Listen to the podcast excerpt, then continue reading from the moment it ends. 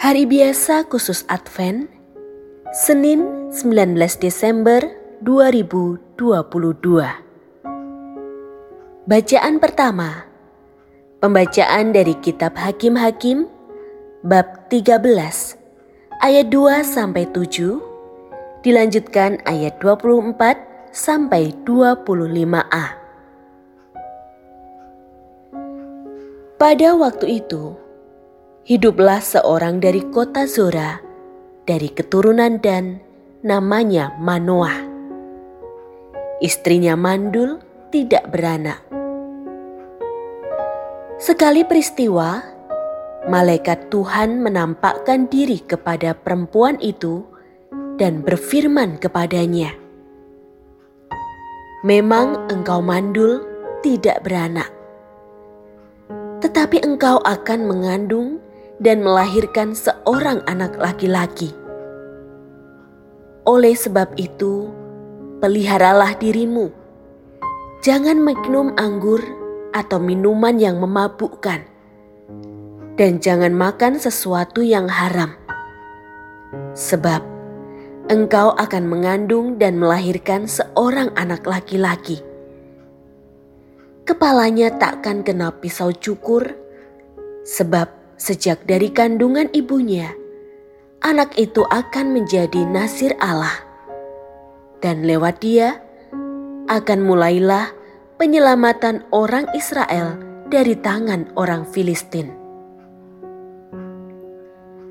Kemudian perempuan itu datang kepada suaminya dan berkata, "Telah datang kepadaku seorang abdi Allah yang rupanya seperti rupa malaikat Allah, amat menakutkan. Tidak kutanyakan dari mana datangnya, dan tidak juga diberitahukannya namanya kepadaku. Tetapi ia berkata kepadaku, "Engkau akan mengandung dan melahirkan seorang anak laki-laki. Oleh sebab itu, janganlah minum anggur." Atau minuman yang memabukkan, dan janganlah makan sesuatu yang haram. Sebab sejak dari kandungan ibunya sampai pada hari matinya, anak itu akan menjadi seorang nasir Allah. Lalu perempuan itu melahirkan seorang anak laki-laki dan diberinya nama Simpson. Anak itu menjadi besar dan Tuhan memberkati dia. Mulailah hatinya digerakkan oleh roh Tuhan. Demikianlah sabda Tuhan.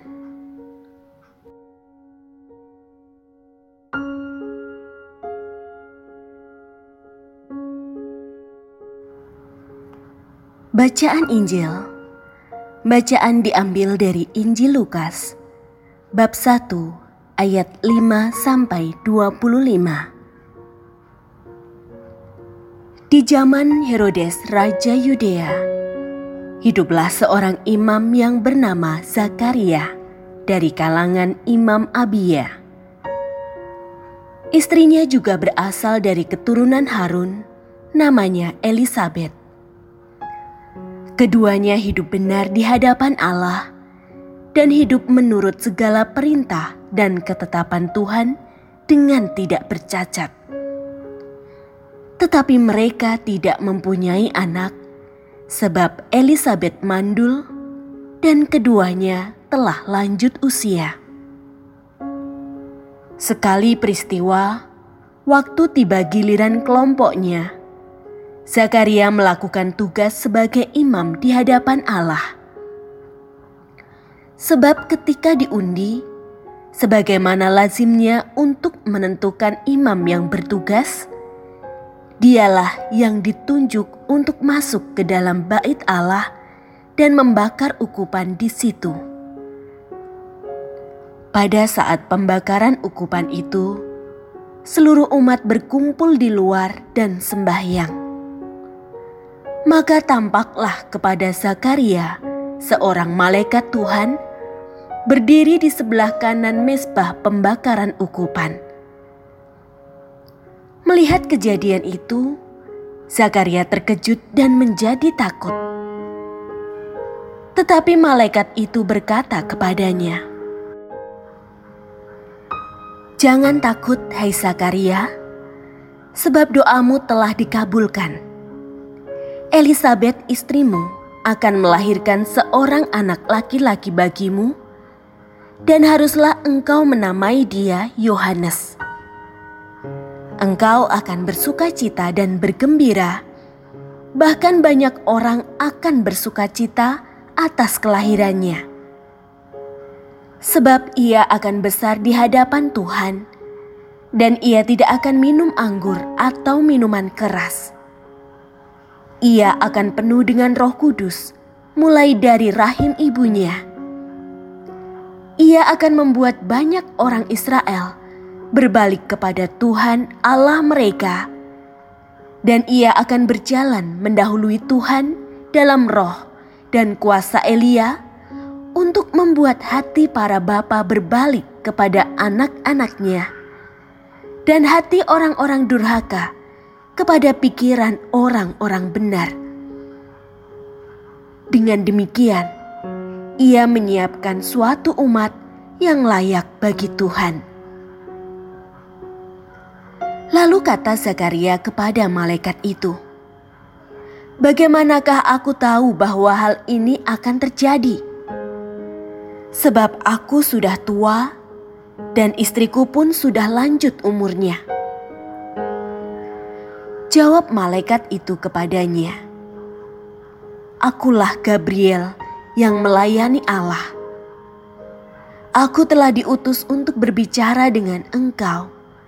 dan untuk menyampaikan kabar baik ini kepadamu.